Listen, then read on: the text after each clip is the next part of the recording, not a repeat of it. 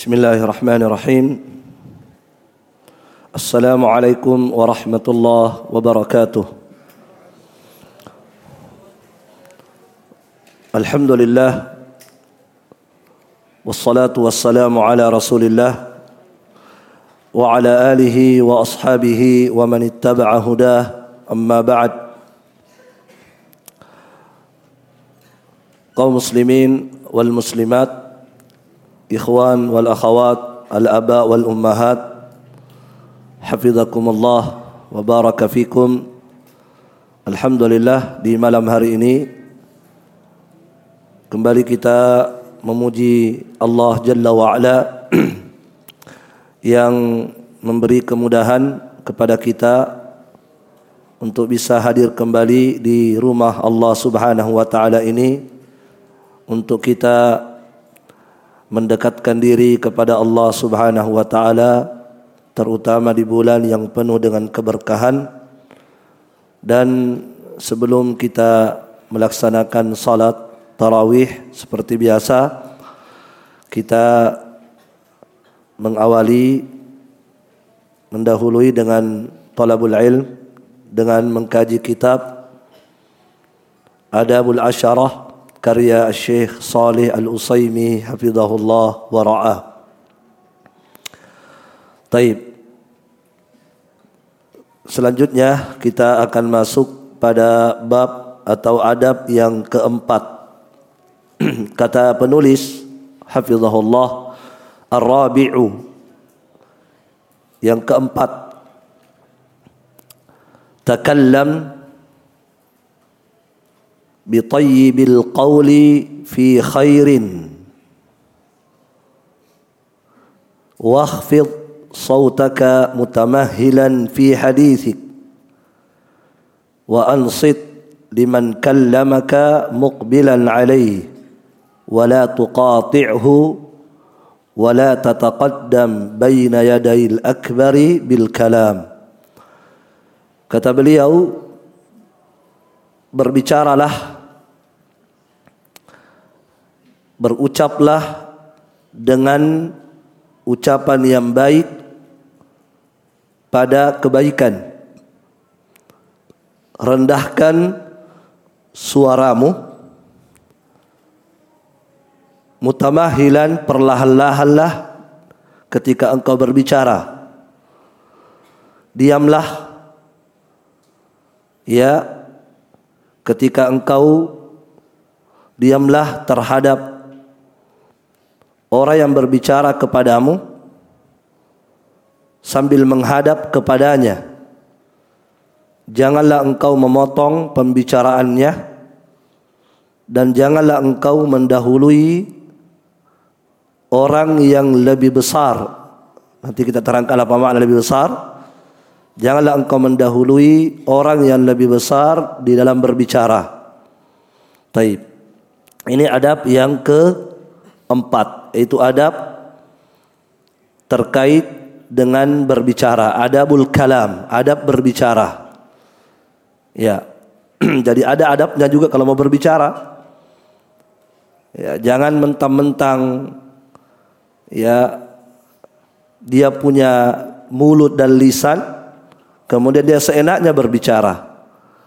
Ya, sampai ada orang berkata ya mulut gue mulut gue. Apa urusan lo katanya. ya. Ini mulut saya, lisan saya, kau mau apa? Iya betul lisan kamu, tapi lisanmu itu siapa yang ciptakan lisan kamu? Dan Allah punya maksud menciptakan mulut kamu. Ada maksudnya Allah ciptakan itu lisan. Ya, ada maksud Allah menciptakan itu mulut. Barakallahu fikum. Taib. Ya, maka di sini diterangkan oleh beliau adab. Ada adab dalam berbicara. Taib. Apa adabnya? Kata beliau, pertama, takallam bi tayyibil qawli fi khairin. Adab yang pertama, berbicaralah dengan pembicaraan yang baik. Berucaplah dengan ucapan yang baik. Itu adab. Ya. Taib. Baik di sini ya. Maksud di sini ucapan yang baik ya diterangkan oleh Syekh Salih Al-Utsaimin hafizahullah yaitu ma ruggiba fihi syar'an aw urfa. Baik di sini adalah apa yang disenangi oleh syariat ya dicintai oleh syariat. Nah, itu yang dikatakan baik. Apa yang syariat suka, apa yang syariat ini senangi, maka itu yang kita ucapkan. Itu yang itu yang dikatakan dengan ucapan yang baik. Apa yang disenangi syariat, apa yang disukai oleh syariat, itulah yang kita ucapkan. Ya. Au urfan atau apa yang disenangi di tengah-tengah kebiasaan manusia, urf, secara kebiasaan manusia, adat istiadat di situ. Ya. Barakallahu fikum. Itu yang dikatakan ba baik.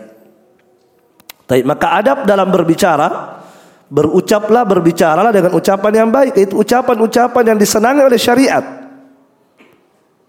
Ya apa yang disenangi oleh syariat banyak. Baca Al-Quran. Berdakwah. Berzikir. Memerintahkan kepada kebaikan. Memerintahkan kepada ya bersedekah dan seterusnya. Itu yang disenangi oleh syariat. Mendamaikan orang yang bertikai. Berucap dengan ucapan jujur. Jangan berbohong. Banyak ya. Iya. Berucap dengan ucapan yang lembut, jangan kasar. Terutama kepada orang tua. Nah, itu yang dimaksud. Disenangi oleh syariat. Taib. Ini ada pertama yang harus diperhatikan.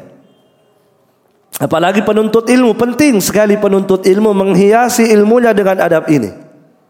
Bagaimana penuntut ilmu punya adab ketika berbicara. Apakah berbicara kepada orang tua, berbicara kepada tetangga, berbicara kepada guru, berbicara kepada teman, berbicara kepada seluruh manusia. Walaupun orang kafir ada adabnya. Barakallahu fikum. Maka berucaplah dengan ucapan yang baik. Dan inilah yang diperintahkan oleh Allah dalam Al-Quran. Apa kata Allah dalam Al-Quran? Wa kulli ibadi Katakan wahai Muhammad li'ibadi kepada seluruh hambaku. Li'ibadi kepada semua hambaku. Katakan kepada mereka.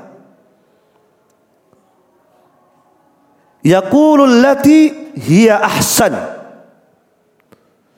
Katakan kepada mereka semua hambaku wahai Muhammad. Hendaklah mereka berucap dengan ucapan yang paling indah. Bukan lagi Allah berkata berucap dengan ucapan yang indah, tetapi ahsan yang paling indahnya. Ahsan yang paling baiknya. Itu perintah Allah. Katakan kepada semua hambaku, apalagi kepada hamba-hambaku yang beriman. Hendaklah mereka berucap, berbicara dengan ucapan yang paling ahsan, yang paling baik yang paling indah. Kalau ada dua ucapan, ini indah, ini paling indah, yang mana yang dipilih? Yang paling indah yang diambil. Ada halus, ada yang paling halus, maka yang paling halus yang dipilih. Itu perintah Allah Subhanahu wa taala. Setelah itu Allah mengingatkan akibat apa akibatnya? Ketika seseorang tidak berucap dengan ucapan yang baik, apa akibat yang muncul? Allah ingatkan pada ayat setelah inna syaitana yang zagu bainahum. Sebab syaitan itu akan merusak di antara kalian. Sebabnya apa? Apa akibat yang muncul ketika kita tidak menjaga ucapan kita? Apa yang terjadi?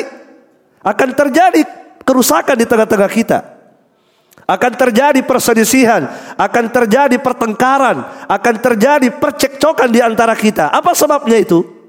Karena ucapan kita yang tidak baik. Dan ini kenyataan. Makanya Allah ingatkan kepada kita. Sebab permusuhan, sebab perselisihan, pertikaian itu muncul dari lisan. Muncul dari ucapan-ucapan yang kita tidak bisa kontrol. Apalagi kalau sudah berucap dengan emosi. Kemudian lawan juga menghadapi dengan emosi selesai. Allah ingatkan kepada kita, Qul ibadi wahai Muhammad sampaikan katakan kepada semua hambaku hendaklah mereka berucap dengan ucapan yang paling indah sebab syaitan itu Ya, kalau kalian tidak berucap dengan ucapan yang baik, maka syaitan akan merusak hubungan kalian. Itu peringatan dari Allah. Ini peringatan dari Allah. Allah Subhanahu wa taala juga berfirman, "Wa qulu lin-nasi husna." Berucaplah kalian berucaplah kalian kepada manusia dengan ucapan yang baik. Itu perintah Allah itu. Dan sudah sering kita lewati kaidah al-aslu fil amri lil wujub. Asalnya perintah adalah wa, wajib. Maka wajib bagi kita berucap dengan ucapan yang baik. Kalau tidak berdosa. Ya. Abdullah bin Mas'ud. Ya. Sahabat yang mulia. Beliau pernah naik ke atas bukit Sofa. Ya, tempat orang melaksanakan manasik haji, sa'i antara Sofa dan Marwah. Beliau naik ke atas bukit Sofa, sahabat yang mulia Abdullah bin Mas'ud. Kemudian setelah naik di atas bukit Sofa, beliau mengeluarkan lidahnya. Dia pegang itu lidah. Kemudian dia berkata, "Kul khairan tagnam." Wahai kamu lidah saya, berucaplah kamu dengan ucapan yang baik. Maka engkau akan beruntung. Berucaplah dengan ucapan yang baik, engkau akan beruntung. Waskut an syarrin taslam min qabli an tandam. Dan wahai lidahku, diamlah. Diamlah dari sebuah kejelekan. Engkau akan selamat sebelum engkau menyesal di hari kiamat. Subhanallah. Lihat bagaimana sahabat mengingatkan dirinya ya Beliau naik ke atas bukit Sofa, menjulurkan lidahnya, dipegang lidahnya, dinasehati dirinya, wahai lidahku, berucaplah dengan ucapan yang baik. Kalau kamu berucap dengan ucapan yang baik, tagnam, engkau akan mendapatkan ghanimah, keberuntungan besar di dunia dan di akhirat. Dan wahai lidahku, diamlah kalau ada kejelekan, diam. Kita tosi kalau ada kejelekan, deh kalau ada fitnah, oh, paling terdepan. Sarapan sehari-hari, itu terus. Waskut an syarrin. Diamlah dari sebuah kejelekan, diam. Apa akibatnya kalau kamu diam wahai lidahku taslam engkau akan selamat. Selamat engkau. Sebelum engkau menyesal pada hari kiamat. Ya kan? Sebelum menyesal. Sebelum kalimat yang kau ucapkan dicatat dicatat oleh Raqibul Atid, dicatat oleh dua malaikat di samping kanan kiri kita, sebelum dicatat jangan berucap, jangan keluarkan dulu. Nanti sudah dicatat duluan. Bukankah setiap kalimat yang kita ucapkan, kalimat apa pun yang kita ucapkan itu kan dicatat. Ada malaikat yang Allah tugaskan untuk mencatat apa apa saja yang kita ucapkan. Ma yalfidhu min qawlin illa ladaihi raqibun atid. Apa pun yang diucapkan oleh manusia, apa pun itu, ucapan apa pun yang dia ucapkan, maka di sisinya ada dua malaikat raqibun atid, bukan malaikat raqib dan atid ya, bukan. Bukan namanya malaikat rakib dan malaikat atid. Tapi rakibul atid itu sifatnya dua malaikat itu. Rakib artinya malaikat dua malaikat yang selalu mengawasi. Tidak pernah tidur, tidak pernah ngantuk, melek terus menunggu apa yang dikeluarkan oleh si fulan ini. Apa yang diucapkan oleh si fulan ini. Rakib selalu mengawasi apa yang kita ucapkan. Atid dan segera mencatat. Ya, sebelum itu terjadi. Tahan dirimu, tahan lisanmu. Kata Abdullah bin Mas'ud. Jelas ya? Jadi ini adab dalam berbicara. Berusaha berucap dengan ucapan yang baik saja. Sebab itulah perintah perintah agama dalam Al-Qur'an, dalam hadis, "Man kana yu'minu billahi wal yawmil akhir falyakul khaira." Barang siapa yang beriman kepada Allah dan hari akhirat, maka hendaklah dia berucap dengan ucapan yang baik. Itu perintah Nabi. Jika engkau beriman kepada Allah, Nabi ingatkan, jika engkau beriman kepada Allah, beriman terhadap adanya siksaan Allah, beriman terhadap adanya adab Allah Subhanahu wa taala dan beriman terhadap adanya hari akhirat di mana manusia akan dihisap oleh Allah dari seluruh perbuatannya di dunia apakah perbuatannya atau ucapannya maka hendaklah engkau menjaga mulutmu menjaga lisanmu berucaplah dengan ucapan yang baik kalau tidak bisa lebih baik diam kalau kamu tidak bisa berucap dengan ucapan baik lebih baik diam Barakallahu fikum. Baik. Ikhwani wa akhwati fillah, rahimani wa rahimakumullah. Orang yang membiasakan dirinya beradab ketika berbicara, terbiasa dengan adab ini, saat dia berbicara yang keluar selalu yang harum yang keluar. Ketika keluar sesuatu yang berbau busuk segera bertaubat kepada Allah. Orang yang membiasakan dirinya seperti ini, maka luar biasa. Orang yang terbiasa menjaga lisannya ketika berbicara, senantiasa berucap dengan ucapan yang baik, maka di antara samarah, di antara buah manis yang Allah berikan kepadanya adalah Allah akan memperbaiki amalnya. Allah akan memperbaiki amalannya. Ayat yang sedang kita dengarkan, ya ayyuhalladzina amanu taqullah wa qulu qawlan sadida. Wahai orang-orang beriman, bertakwalah kalian kepada Allah dan berucaplah dengan ucapan yang sadid. Berucaplah kata Allah perintah, wahai orang-orang beriman, bertakwalah kamu kepada Allah. Setelah itu Allah menyebutkan perintah khusus. Apa perintah khususnya? berucaplah dengan ucapan yang sadid. Apa itu ucapan sadid? Syekh Abdurrahman bin Nasir As-Sa'di memberikan contoh ucapan as-sadid. Ya, kata beliau min qiraatin. Contoh ucapan sadid adalah membaca Al-Qur'an, digunakan lisannya untuk membaca Al-Quran. Wa dikrin, berzikir.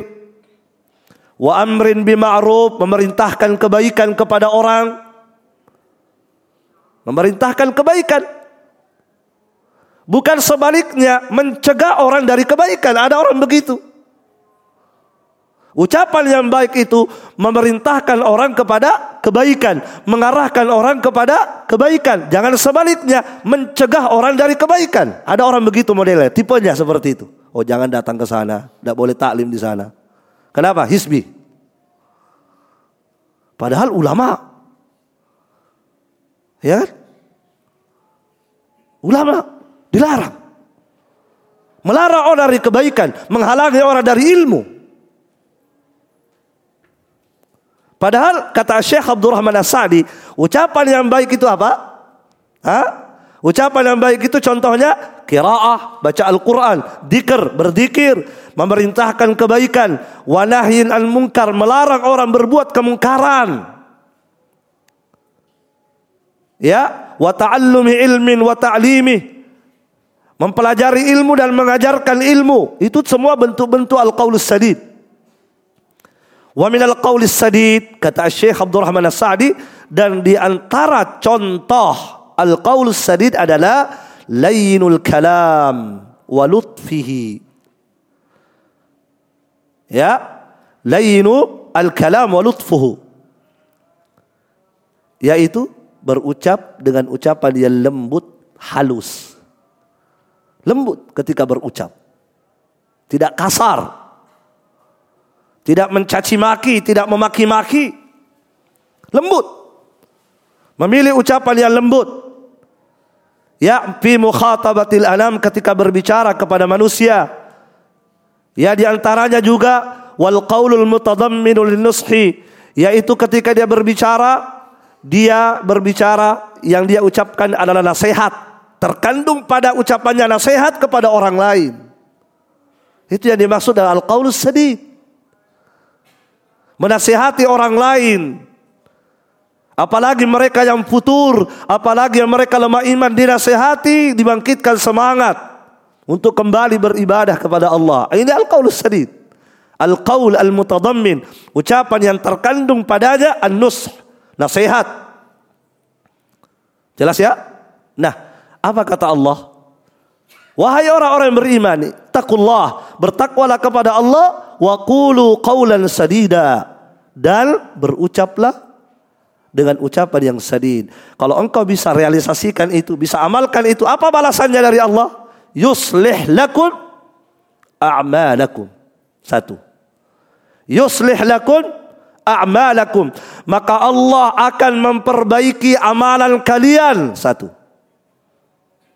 Itu faedahnya. Allah akan memperbaiki amalan kalian makna memperbaiki amalan kalian kata Syekh Abdurrahman As-Sa'di dua. Makna yang pertama adalah Allah akan memberikan taufik kepadamu untuk beramal soleh. Allah akan memberi taufik, Allah akan memberi pertolongan kepadamu untuk beramal soleh.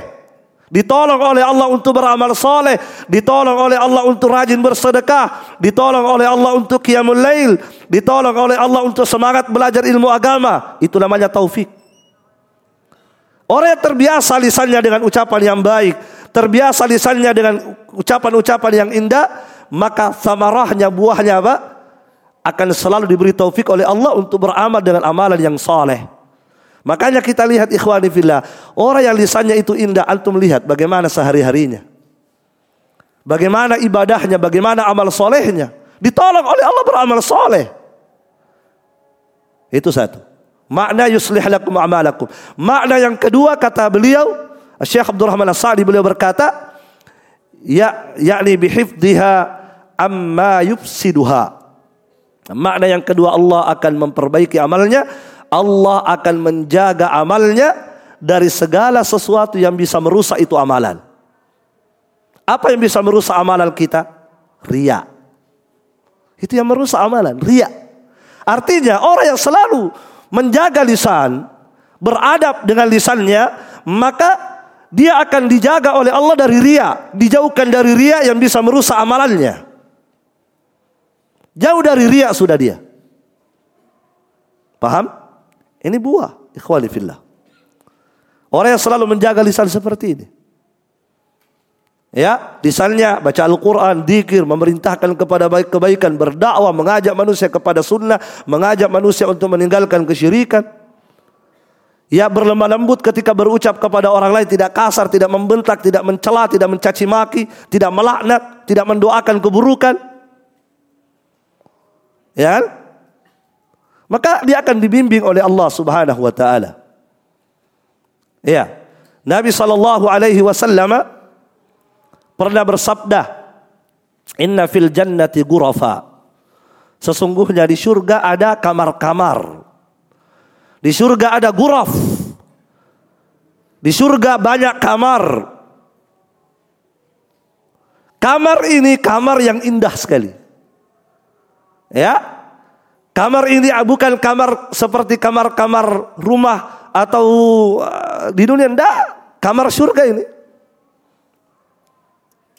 Nabi terangkan kamar itu begini, begini, begini. Dijelaskan keindahan kamar itu.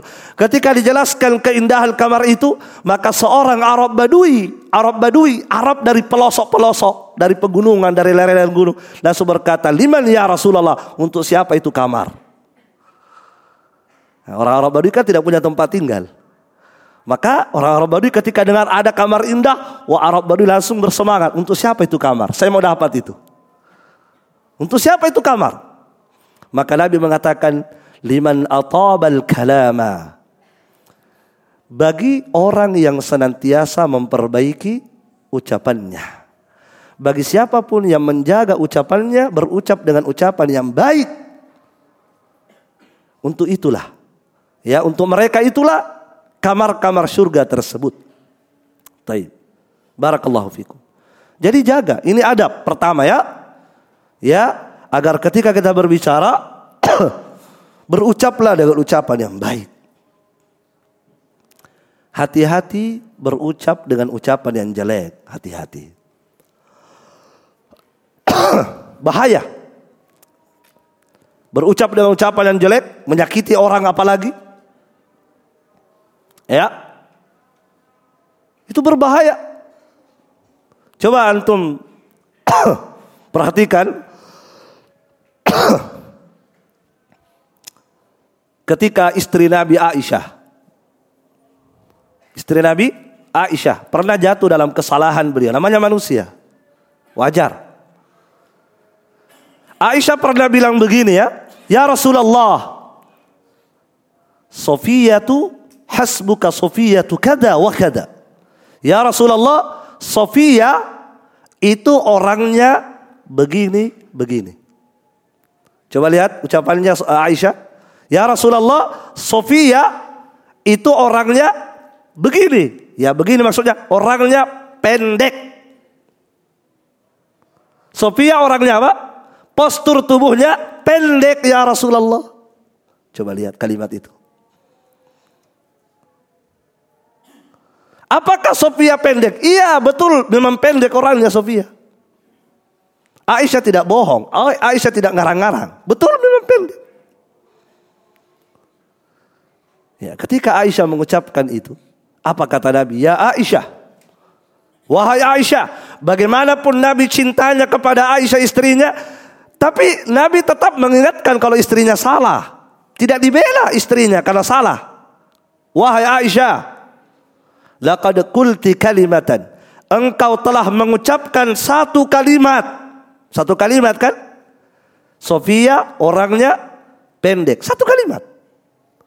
Wahai Aisyah, engkau telah mengucapkan satu kalimat Lau muzijat bima'il bahri lama zajatuhu. Seandainya satu kalimat ini dilemparkan ke dalam laut, dicampur di air laut, maka satu kalimat itu sanggup untuk merubah air laut menjadi busuk akan menjadi busuk baunya air laut. Semua air laut akan menjadi busuk hanya dengan satu kalimat yang kau ucapkan. Coba lihat bahayanya ucapan itu. Padahal ucapan itu hanya apa? Hanya berkata Sofia orangnya pen pendek. Tapi apa kata Nabi? Itu kalimat berbahaya loh. Itu kalimat busuk, kotor, lebih najis daripada najis yang ada. Kalau najis yang ada, kalau najis manusia, semua manusia buang air di laut tidak akan menjadi busuk air laut itu. Tapi ini satu kalimat ini apa kata Nabi? Kalau dicampur dengan air laut, maka semua air laut akan menjadi busuk baunya. Najis air laut itu, busuk. Kenapa bisa? Karena apa yang diucapkan oleh Aisyah itu gibah. Itu gibah namanya. Itulah gibah. Apa itu gibah? Apa makna ghibah? Dzikruka akhaka bima yakrahu.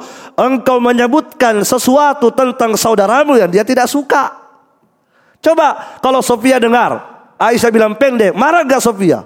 Marah orang. Itulah ghibah. Dan ghibah itu diibaratkan dalam Al-Quran seperti apa? Seperti orang yang memangkai bangkai manusia, memakan bangkai manusia, busuk. Itu ghibah. Jelas ya?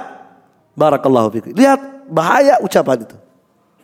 Bahaya seseorang berucap dengan ucapan yang jelek. Padahal Aisyah hanya mengatakan pen pendek. Itu pun Aisyah mengucapkan itu karena cemburu. Kenapa Aisyah cemburu? Karena Nabi ingin menikah dengan Sofia. Ya namanya wanita kalau di poligami kan cemburu. Maka berusaha menggagalkan. Bagaimana cara menggagalkan? Aisyah tidak berbohong. Ya kan? Apa-apakah Aisyah memfitnah? Tidak. Ya Rasulullah, kamu tahu nggak Sofia itu? Sofia itu orangnya pendek. Apa maksud beliau? Supaya Aisyah, Nabi tidak jadi menikahi Sofi. Sofia. Ternyata Aisyah jatuh dalam kesalahan. Tanpa disengaja. Coba lihat. Ucapan itu bahaya sekali ikhwas sekalian. Nah bagaimana dengan kita yang subhanallah bukan lagi bilangnya orang pendek. Hidungnya pesek. Ketiaknya bau. Tidak pernah sikat gigi. Iya kan? Wah, luar biasa itu gibah. Ya, apalagi sampai memfitnah, bukan lagi gibah, memfitnah. Nah, kalau orang memfitnah berarti dua dosanya. Gibah, fitnah, tambah lagi satu, bohong. Sebab orang memfitnah kan berbohong. Ya. Kira-kira bagaimana kalau dicampur ke di air laut itu? Subhanallah. Maka ikhwani fillah rahimani wa rahimakumullah harus kita jaga lisan. Ya, dijaga lisan. Dan yang paling harus hati-hati menjaga lisannya adalah wanita. Bukan berarti laki-laki tidak. Wanita harus lebih banyak menjaga lisan. Lebih hati-hati terhadap lisannya. Kenapa? Sebab Nabi sudah menyampaikan bahwa ternyata penduduk neraka yang paling banyak adalah wanita. Penduduk neraka yang paling banyak adalah wanita kata Nabi. Ittala'tu fil jannah. Aku melihat ke dalam syurga. Fara'aitu aksara ahli al fuqara. Aku melihat kebanyakan penduduknya adalah orang-orang miskin. Wattala'tu fil nar. Aku melihat ke dalam neraka. Fara'aitu aksara ahli al nisa. Aku melihat kebanyakan penduduk neraka adalah wanita. Nabi ditanya, ya Rasulullah, kenapa wanita paling banyak masuk neraka? Apa jawaban Nabi? Tukthir dan la'na wa takfur dan ashira. Karena wanita itu sering melaknat sering mencaci maki dan sering mengingkari kebaikan suaminya. Dua ini penyebabnya. Sering melaknat, sering mencaci maki itu lisan kan? Lisannya tidak berucap dengan ucapan yang baik, justru dia mencaci maki suaminya, mencaci maki anak-anaknya, dibentak-bentak suaminya, anak pun dicaci maki. Itu pertama. Itu sebabnya banyak wanita masuk neraka. Lisannya. Watakfur dan asyira dan wanita terlalu sering mengingkari kebaikan suaminya. Apa maksudnya mengingkari kebaikan suaminya? Kata Nabi, "Lau ahsanta ila ihdahuna dahra", seandainya engkau wahai para suami berbuat baik kepada istrimu sepanjang tahun, satu tahun berbuat baik kita kepada istri. Ternyata satu ketika, satu hari dia melihat ada kekurangan. Tiba-tiba dia melihat ada kekurangan suaminya sehari itu, satu kali itu. Itu pun belum tentu salah secara syariat kan. Cuma dia menganggap itu tidak baik menurut saya, menurut dia ya. Apa yang dia katakan langsung dia bilang begini, "Ma itu minka khairal qat." Aku tidak pernah melihat satu pun baikmu. Mulutnya. Wahai suamiku yang kusayang, tidak ada baikmu kau. Awalnya, wahai suamiku yang kusayang, tidak ada baikmu sedikit pun. Wah ini sudah. Ini sebab ini namanya mengingkari tidak menghargai kebaikan suami dan inilah penyebabnya kata Nabi kenapa wanita banyak masuk neraka. Oleh karena itu, ikhwani wa akhwati fillah rahimani wa rahimakumullah, mari ya kita berdoa memohon kepada Allah Subhanahu wa taala semoga Allah Jalla wa ala membantu kita, menjaga kita untuk kita bisa mengontrol dan menjaga lisan-lisan kita. Naam, ini adab uh, yang pertama insyaallah taala masih ada lanjutannya tadi. Kita lanjutkan setelah uh, istirahat nanti. Barakallahu fikum. Subhanakallahumma bihamdik. Asyhadu an la ilaha illa anta astaghfiruka wa atubu ilaik. Wassalamualaikum warahmatullahi wabarakatuh. Bismillahirrahmanirrahim. Alhamdulillah. Alhamdulillah wa kafa wassalatu wassalamu ala abdihi al-mustafa wa ala alihi wa ashabihi wa man ittaba'a hudah. Amma ba'd. Ma'asyiral muslimin wal muslimat, barakallahu fikum. Kita lanjutkan. Selanjutnya kata Syekh Saleh Al-Usaimi hafizahullah wa ra'ah adab berikutnya terkait dengan adab al-kalam. Kata beliau, "Wakhfid sautaka mutamahhilan fi hadithik." Rendahkan suaramu ketika berbicara. Mutamahhilan fi hadithik perlahan-lahanlah ketika engkau berbicara. Ini yang kedua, adab yang kedua terkait dengan adab-adab al-kalam. Yaitu merendahkan suara ketika berbicara dengan orang lain. Tapi jangan mengangkat suara, jangan terlalu besar volumenya. Ya, taib. Allah Subhanahu wa taala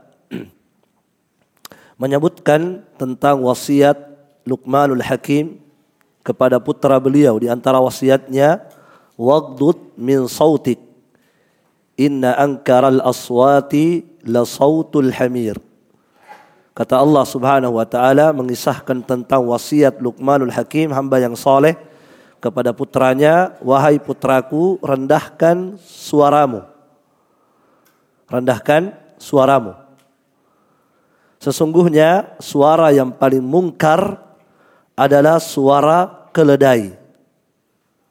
Ya. Taib. Maka orang yang eh, apa namanya terlalu meninggikan suara ketika berbicara itu diserupakan dengan suara keledai. Dan suara keledai tercelah. Ya, antum pernah dengar ketika keledai meringkik? Ya, ringkikannya itu tercelah. Makanya Nabi SAW bersabda, "Idza sami'tum siyahat dik, fas'alullah min fadli, fa innahu ra'a malakan." Kata Nabi SAW, jika engkau mendengarkan ya siyah, ya suara ayam jantan ketika dia berkotek, itu suaranya, maka mintalah berdoalah kepada Allah, mintalah kepada Allah sebagian dari keutamaannya. Kenapa? Karena ayam tersebut melihat malaikat. Wa idza sami'tum nahiqal himari dan jika kalian mendengarkan ringkikan keledai fata'awwadu billahi minasyaitan. Maka berlindunglah kepada Allah dari syaitan. Fa innahu ra'a syaitanan. Karena sesungguhnya ketika keledai meringkik dia melihat syaitan. Makanya ringkikan keledai ya Allah serupakan orang yang mengangkat suara sama diserupakan dengan ringkikan keledai dan itu tercelah ya Taib. nah seperti apa batasannya ya seseorang itu suaranya pas ya gitu ya. Taib. E, dijelaskan di sini oleh Syekh Said Ruslan hafizahullah. Beliau salah satu ulama di Mesir. Taib kata beliau faliyakun sautuka ala qadri sama'i sami'ika la yata'adda. Hendaklah suaramu itu diukur sesuai pendengaran orang yang mendengar engkau. Disesuaikan saja orang yang kamu ajak bicara yang mendengar. Faham? Kalau dia tahu taru-taru, kurang anu pendengarannya, tidak apa-apa diangkat suara sedikit. Tapi kalau orangnya, Masya Allah, sempurna pendengarannya, maka tidak butuh kita terlalu membesarkan suara. suara. Disesuaikan saja, ya orang yang mendengar, ya apa yang kita uh, ajak bicara. Jangan melebihi daripada itu. Taib. Kemudian mutamahilan fi hadisik. Mutamahil. Ketika berbicara mutamahil. Ya, mahlan mahlan. Ya, bahasa Arab mahlan mahlan. Perlahan-lahan. Ya, jangan bicara tidak ada titik komanya. Ya kan? Pokoknya terlalu lancar bicaranya. Nah, itu kurang baik. Tapi mutamahil. Ya, perlahan-lahan. Kalau bahasa makna mutamahi at-tamahul kata Syekh Salih Al-Usaimi at-ta'anni Ya, itu perlahan-lahan. Fayukhriju kala fayukhriju kalamahu syai'an fa. Dia mengeluarkan ucapannya syai'an fa sedikit demi sedikit, kalimat per kalimat. Paham? Jadi jangan terlalu jangan terlalu kencang ketika berbicara. Ya terutama ketika menyampaikan ilmu kepada orang lain pelan-pelan supaya orang faham apa yang disampaikan ya. Sebab itulah petunjuk Rasulullah sallallahu alaihi wa ala alihi wasallam. Ya kata Abu Hurairah radhiyallahu taala anhu, anna Rasulullah sallallahu alaihi wasallam kana yuhaddithu hadithan law addahu law addahu al-ad la ahsahu. Lihat bagaimana Nabi ketika berbicara, apalagi ketika menyampaikan ilmu, menyampaikan hadis. Apa kata Abu Hurairah sesungguhnya Nabi pernah menyampaikan sebuah hadis. Ya, pernah menyampaikan sebuah hadis seandainya orang mau menghitung kalimat yang Nabi ucapkan ketika berbicara, maka orang bisa hitung.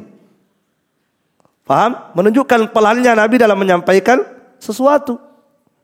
Seandainya orang mau menghitung berapa kalimat yang Nabi ucapkan, berapa kata yang Nabi ucapkan dalam satu kalimat, orang bisa hitung. Gambaran betapa pelannya Rasulullah, perlahan-lahannya Nabi ketika menyampaikan sesuatu. Bahkan Nabi itu terkadang, bahkan bukan lagi terkadang, seringnya Nabi ketika menyampaikan sesuatu, Nabi mengulang sampai tiga kali.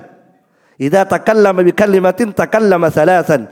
Nabi ketika menyampaikan sesuatu, Nabi menyampaikan sampai tiga kali. Nabi ulang. Setelah itu Nabi ulang lagi, setelah itu Nabi ulang lagi sampai tiga kali. Hatta tufhama. Hingga kemudian dipahami apa yang disampaikan oleh Rasulullah Sallallahu Alaihi Wasallam. Itu adab dalam berbicara. Kemudian berikutnya wa ansit liman kallamaka muqbilan alai. Nah, sekarang ada berbicara berikutnya wa ansit. Diamlah. Diamlah ketika engkau uh, diamlah terhadap uh, ketika engkau mendengarkan orang berbicara kepadamu. Diam. Ya, diam ketika engkau mendengarkan orang berbicara kepadamu. Mukbilan alai hadapkan wajahmu kepadanya. Ada orang berbicara kepada kita, kita diam, dengarkan dan tatap mukanya, tatap wajahnya. Jangan orang berbicara antum buang muka, orang berbicara. Orang berbicara di depan antum, antum pegang HP. Nah, itu tidak beradab, tapi diam dengarkan apa orang bilang. Paham? Itu adabnya. Barakallahu fikum. Walaupun mungkin apa yang dia sampaikan, apa yang dia ucapkan itu sudah sudah berulang-ulang kita dengar. Paham? Nah, ini adab yang luar biasa. Kadang ada orang misalnya, ada orang misalnya menyampaikan suatu ilmu kepada kita. Kita mungkin sudah seribu kali dapat itu faedah. Kadang kita bilang, ah sudah itu, sudah faedah basi. Jangan seperti itu. Dengarkan apa yang dia bilang. Paham? Itulah adabnya ulama. Perhatikan, Atta' bin Abi Rabah. Beliau berkata, Inna rajula la yuhaddithuni bil hadith fa ansitu lahu ka'anni lam asma'uhu wa qad sami'tuhu qabla yulad. Subhanallah. Apa kata Atha bin Abi Rabah? Ini ulama hadis dari kalangan tabi'in ahli tafsir. Atha bin Abi Rabah. Luar biasa. Ahlul hadis ahlu tafsir min kibar tabi'in dari ulama besar tabi'in apa kata beliau sesungguhnya ada seseorang menyampaikan kepadaku sebuah hadis ada orang membacakan kepada aku sebuah hadis. Padahal beliau ahlul hadis. Fa'an situlah aku diam mendengarkan apa yang dia sampaikan. Aku diam. Seakan-akan aku belum pernah mendengarkan hadis itu. Padahal aku sudah dengarkan sebelum dia lahir. Coba. Sebelum dia lahir aku sudah dengarkan hadis itu. Berarti sudah berulang-ulang. Tapi ketika dia sampaikan aku apa ansit. Dan ansit itu beda dengan Istima. Beda antara istima dengan insat. Kalau ansit itu mendengar dan memperhatikan.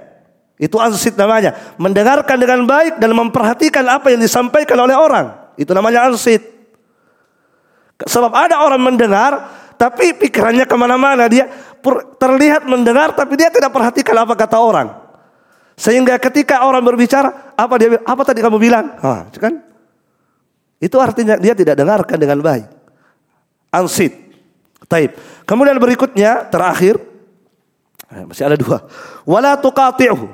Kemudian ada berikutnya jangan kamu potong pembicaraan orang.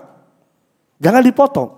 Kalau orang berbicara sementara berbicara biarkan dia sempurna menyelesaikan apa yang dia ingin katakan baru kemudian kita bicara juga jangan dipotong pembicaraan orang. Dipahami?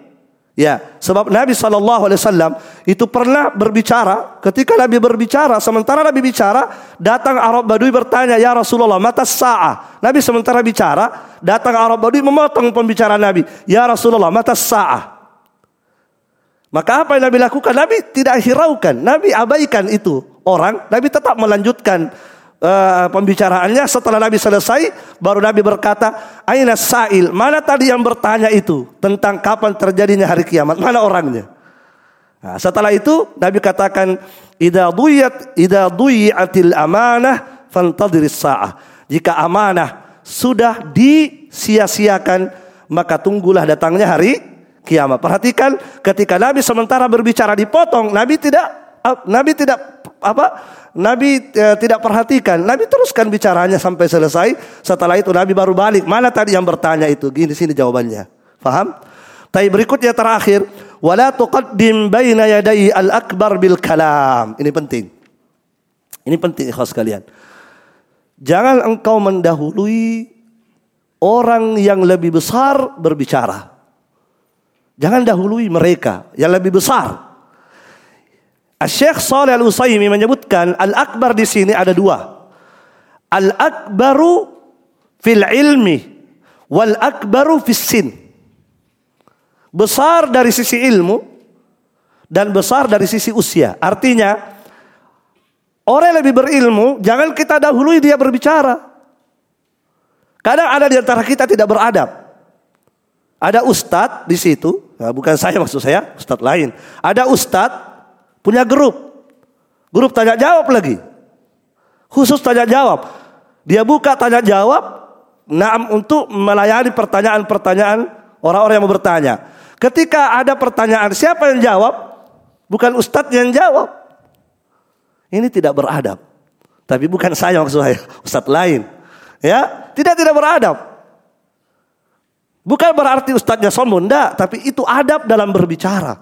Jangan kita mendahului berbicara orang yang lebih berilmu daripada kita. Antum perhatikan adabnya sahabat. Subhanallah. Abu Musa al-Ashari pernah melihat ada sekelompok orang berzikir di masjid. Zikir jamaah dan itu bid'ah dalam agama kita zikir jamaah. Dilihat oleh Abu Musa al-Ashari, datanglah Abu Musa kepada Ibnu Mas'ud. Wahai Ibnu Mas'ud, ini ra'aitu anifan amran angkartuhu. Sesungguhnya aku tadi melihat di masjid perkara yang aku ingkari. Tetapi yang aku lihat adalah baik, alhamdulillah. Apa kata Ibnu Mas'ud? Apa yang kamu lihat tadi? Kata Abu Musa al-Asy'ari, "Inni ra'aitu qauman hilaqan." Sesungguhnya aku melihat sekelompok manusia membuat halaqah di masjid. Sambil menunggu salat subuh, mereka membuat halaqah, halaqah zikir, satu orang memimpin, yang satunya ikut. Yang pemimpin berkata sabbihu mi'a, ucapkan subhanallah seratus kali. Maka yang lain mengatakan subhanallah sambil menghitung dengan batu. Itu yang aku lihat. Maka Abdullah bin Mas'ud berkata kepada Musa, apa yang kamu katakan kepada mereka? Apa yang kamu katakan kepada mereka? Perhatikan apa kata Abu Musa. Ma qultu lahum syai'an intidaran li. Aku tidak mengucapkan sesuatu apa pun kepada mereka karena menunggu pendapatmu. Coba. Abu Musa tahu itu mungkar. Tapi beliau tidak langsung berbicara. Kenapa? Karena saya menunggu kamu berbicara. Kenapa? Karena Ibnu Mas'ud lebih tinggi ilmunya daripada Abu Mu. Abu Musa al Lihat adab para sahabat. Difahami? Nah itu adab ikhwas sekalian. Ya kalau seandainya ada di antara kita yang lebih berilmu daripada kita. Maka kita lebih baik lebih bagus itu jadi pendengar setia. Itu lebih bagus bagi kita daripada terlalu banyak berbicara. Ya, barakallahu fikum. Juga di sini orang yang lebih tua daripada kita, kalau ada orang lebih tua daripada kita, persilahkan dulu dia berbicara. Lebih tua umurnya ya. Lebih tua umurnya daripada kita. Dia dulu yang berbicara. Berbicara. Jangan kita mendahului orang tua berbicara. Ini kalau topik pembahasannya sama. Faham? Pembahasannya satu. Maka orang tua yang dulu berbicara. Kecuali kalau topiknya berbeda, ya lain lagi. Faham? Barakallahu fikum. Ini ikhwani wa akhwati fillah rahimani wa rahimakumullah. Ya adab yang keempat yang disebutkan oleh Syekh Shalih Al-Utsaimin. Insyaallah taala di pertemuan berikutnya kita akan masuk pada adab yang kelima. Ya, adab yang kelima ini terkait dengan adab-adab tidur. Masya Allah, adab-adab tidur lagi. Ya, subhanakallah wa bihamdik. Asyhadu an la ilaha illa anta astaghfiruka wa atubu ilaik. Wassalamualaikum warahmatullahi wabarakatuh.